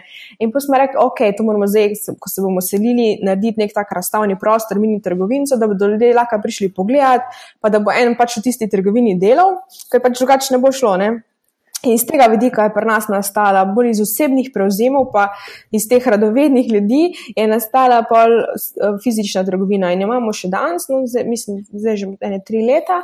Uh, in moram reči, da je full dobro, ker pač ljudje so se navadili, pridajo tja, eni hodijo, naročijo preko interneta, pridajo sami iskat, velike pa takih, ko pač hodijo tja zdaj na nek redno kupovati k nam v trgovino. Teda, mi sicer dansko zaposlene osebe nimamo dobene v fizični trgovini, ampak ena to moja sestra, ki se skrbi za komunikacijo s strankami, pa naročila, da tudi nimamo pol dolgo odprto, do petih popoldne imamo odprto trgovino in to je to. Nam prinaša en del, par tisoč evrov prihodka, kar, kar je kul, cool, glede na to, da dejansko nič ne delamo. Uh, posebej ne marketinga, ne zaposlenega, nič imamo posebej stroškov z njo. Um, Fajn je zaradi tega, ker še vsem veliko ljudi, no vsaj hrano, pa tudi druge stvari, rad, rado kupuje v fizičnih trgovinah. Še vsem ni toliko ljudi, da bi, kupo, da bi kupovali na svetu. Vse čisto konkretno v Sloveniji 10% spletnih nakupovalcev uh, kupuje hrano preko interneta. Ne? Hrano pa vemo, da kupujejo dejansko vsi. In še vsem je tako mali procent ne, ljudi, ki kupujejo hrano na internetu, da je v fizičnih trgovinah še fu več potencijala, ne, kot pa v sami spletni. Mislim, tudi zdaj vidim, ko smo šli v drogerije DM, ko so izdelki fizično, nam se je ful tam, ful prodaja izdelkov teh, ko so tam dvigena. Mhm. Uh, pa dejansko. Jaz mislim, da veliko je bilo takih, ko so že prej vedeli izdelke, ampak jih nikoli niso na internetu kupili, zdaj pa, ko vidijo, da odemo, jih pa grejo kupiti, ker pač ga ima den blizu. Pa prej niso hoteli pošline plačati ali pač niso znali naročiti, ne vem, nekaj jih je ostalo, da niso prek interneta naročili. Ne. Zdaj, ko pa fizično, pa um, so šli kupiti. Teda jaz mislim, da v fizičnih trgovinah je še vedno vsaj v Sloveniji ful, ful veliko potencijala. No.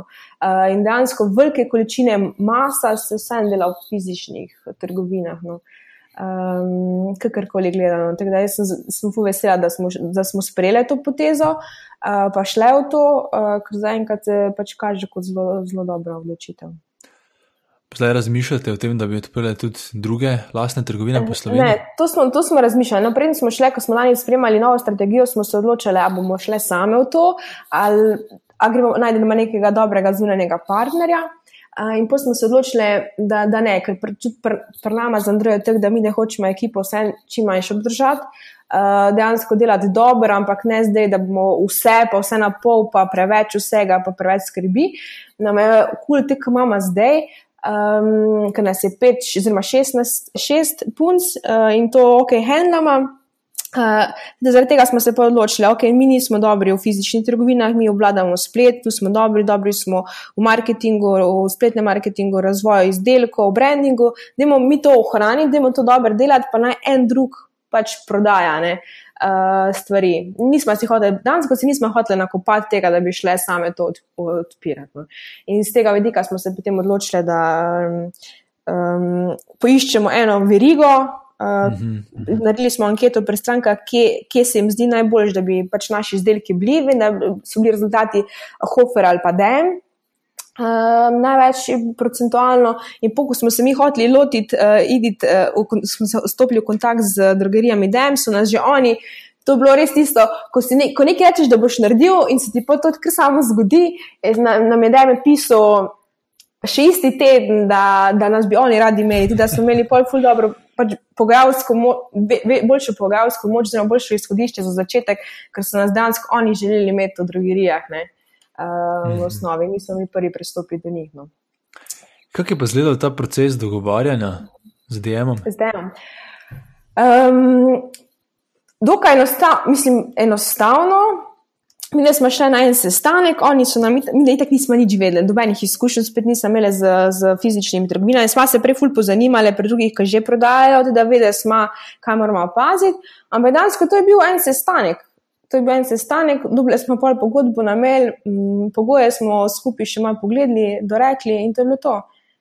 Mislim, precej enostavno, no, moram reči. Po, pol, postopek je zakompliciral, se malo pri prvih uh, naročilih, ki moš vzpostaviti. To, to so res veliki sistemi, ko imajo neke postopke za sabo, pa sisteme, pa ne vem, kva vse. Uh, da smo vzpostavili vem, celotno začetko, celotno to verigo, ki gre uh, od naročila oziroma od vnosa izdelka v njihove sisteme, no, pa do mhm. prvega naročila, pa do dostave.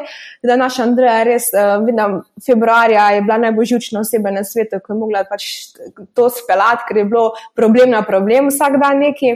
Ampak zdaj, ko pa teče, ko laufa sistem, pa je laufa sistem. E, in je full over, dejansko full, mal, full smo dali vse outsourcati in dejansko mi prejmemo naročilo, Andreja samo naprej posreduje.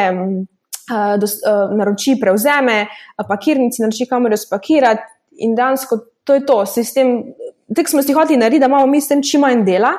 Uh, in smo, in da je zelo dobro sistem vzpostavljati, da dejansko laupa za te, te komore in ni niti nekih dobenih problemov več. No.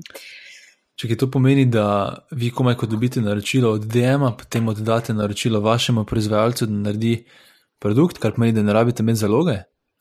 Veš kaj, mi imamo zalogo, nekaj imamo, ne? ker predajemo, da imamo mi pet delovnih dni za dostavo, teda mi si ne moramo privoščiti, da zdaj ne bi imeli vsaj za eno ali dva naročila naprej, približno ne vemo, koliko bodo naročili, teda malo zaloge imamo, ja? ampak mm, lahko pa hiter sproti stvari um, zrihtam. Ampak ponavadi mi, mi imamo zaloge to pri pr nas, pr nas v firmi, ampak ima proizvajalec, oziroma tisto, ki nam pakira tam zaloge.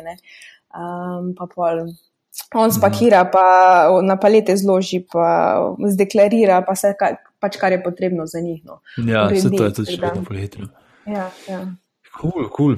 Da imam pogled še par zaključnih vprašanj. Uh -huh. uh, prej si omenjala, da imaš full idej, oziroma uh, da si že takrat znotraj malince, pa zunaj razmišljala o nekih zadevah. Um, zdaj, verjetno veš, da včasih vprašam, če ima gost kakšno idejo, poslovno uh -huh. idejo, ki bi jo delil s poslušalci. -hmm. ker je samo mogoče nima časa uh, izvesti, pa lahko mogoče kdo drug proba. A ti pride kaj na misel? Uh, ja, jaz mislim, da je veliko potencijala še vsem vidim v izdelkih uh, za živali. Uh, tukaj mislim predvsem uh, za kuške. Tukaj mislim, je veliko potencijala, predvsem v teh, ki vedno več je kuško, ko ima neke alergije, pa so ne smejo tega, pa ne smejo unga in ponudijo tukaj pa zelo malo. V bistvu neka zdrava prehrana oziroma zdravi priboljški za pse oziroma specializirani priboljški uh, za hrana za pse. Tukaj je full potencijala. Jaz vem, da če bi se zelo časa lotila, bi se zihar nekaj v zvezi s tem. Um, na novo, Pa, kar je še taka stvar, ko skozi razmišljam o njej, je to, da bi en naredil neko fajno aplikacijo, kjer bi lahko jaz, ko imam sporočila na desetih različnih kanalih, da bi imela vse združeno v eni aplikaciji, ker jaz počasih ne vem. Komu sem že odgovorila, na pa kje, pa zakaj. In vse sem želela, vse neke stvari že sicer obstajajo, ampak dobena ni tako dobra, da bi bila res fajn za, za uporabljati. Torej, združiti neko aplikacijo, ki bi združila v bistvu pogovore, ki jih imaš ti na vseh desetih različnih kanalih, pa WhatsApp, pa Viber, pa Facebook, pa uh, Instagram, pa ne kakšne vse Messenger, kar imamo na, na, na telefonu. No. Mhm. Um, Ko smo že pri tem, eh, kateri pa so ti najljubši api ali pa startupi, ki jih uporabljaš? Uh, pa v bistvu, ful, ful, ful malo stvari uporabljam. No. Um, takrat, takrat, ko sem poslušala um, Gregata, uh mhm. -huh. njegov podcast, sem si undala, jaz sem se ne morem. Uh, Blinkist. Uh, ja, tisto je za knjige. Blinkist, ja. Ja, ja, ja. tisti tis, tis mi je, tis mi tis je hudno. Uh, drugače pa moram reči, da ful, ful malo uporabljam te, te zadeve. Ja, pač te klasične, ko so, no, uh, ki jih vsi uporabljamo, ampak da bi kaj kako special imela, da bi bila full fajna, um, pa ne, nič kaj posebnega. Kaj imaš kakšne vire, iz katerih uh, se rada učiš o podjetništvu, um, ali pa mogoče kako najljubšo knjigo, ki jo rada predlagaš Ja, um, oh, ja, to pa ja. Mislim, jaz največ se učim iz knjig. Mislim, smo rada berem knjige. Uh, pravi, si jih na Book Depositorju kupim, ker imam brezplačno poštnino v Slovenijo. Uh, pa hitro pridejo knjige. Teda, uh, knjige največ. No. Sama izobraževanja, ja, ampak se mi za v Sloveniji niti ni to več nekih izobraževanj, ki bi se dejansko lahko kaj uporabnega naučila.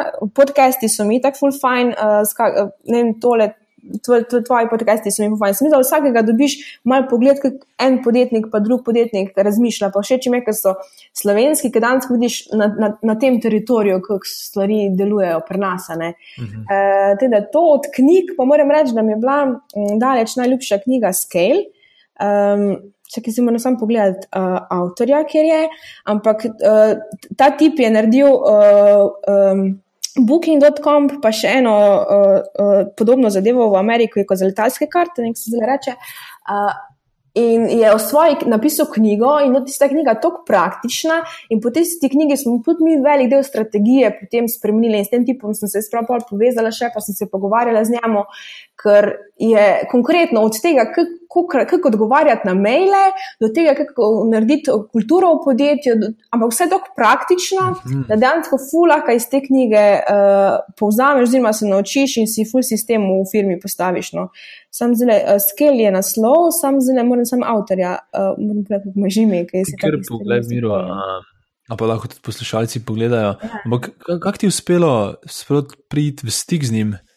Aška, mm, Bila sem eh, v Slovenijo prišel, kot ta, ne vem, če poznaš ta sit organizacija, je, ga je pripeljala v Slovenijo in je bil tukaj na eh, predavo in potem sem mu na LinkedIn opisala in tak, na tak način. In takšno. Okay, ja, knjigo okay. sem kupila, prebrala, pa sem mu pa pisala. Ja. Okay. Ja, um, kje pa lahko poslušalci najdejo več o tebi, Nastja, ali pa o, o splošno o malinci? Um, zdaj, tako je, tak na naši spletni strani, www.malinca.com, uh, drugače pa najbolj aktivne smo na Instagramu, uh, na, naše izdelke najdejo v drogerijah DM. Uh, drugače pa vedno sem pa tudi, uh, mislim, jaz se tudi veliko sodelujem s temi mladimi podjetniki, oziroma podjetniki, ki želijo, ki ima, mislim, z ljudmi, ki želijo postati uh, podjetniki. Um, sem tudi v različnih teh klubih za mentorstva uh, in vedno mi lahko, vedno sem pripravljena pomagati, oziroma in odgovoriti na vprašanja. Tako da nastjafnamalinca.com je moj e-mail. Če ima kdorkoli kar za vprašati, sem vedno, uh, vedno pripravljena pomagati. No, Odlično. Pa hvala tudi tebi, da si si vzela čas. Pa ne samo čas, ampak tudi za iskrenost. Ne. Vedno znova me preseneti in sem hvaležen vsem gostom, ki pridejo in povejo vse te detajle o svojem biznisu. Teda res hvala, ker nam s tem v bistvu ti omogočaš, pa vsi gosti tudi zdaj, da se res lahko učimo, pa tudi sami potem na lastnih projektih nekako izboljšamo, pa gremo naprej. Teda, mm. hvala še enkrat. Ja, prosim. Tako. To je vse v današnji epizodi. Če ti podcast za kulise všeč, te vabim, da se prijaviš na mailing listu na zakulisi.com, da boš obveščen ob objavi naslednje epizode. A ja, pa hvala vsem, ki ste oddali ocene in komentarje na iTunesu. Za tiste, ki pa še tega niste naredili, vas vabim, da mi tako pomagate razširiti besedo o tem projektu, saj z vsako ceno in komentarjem iTunes boljše nagira podcast in ga potem lahko odkriješ več ljudi. Projekt lahko tudi finančno podprete.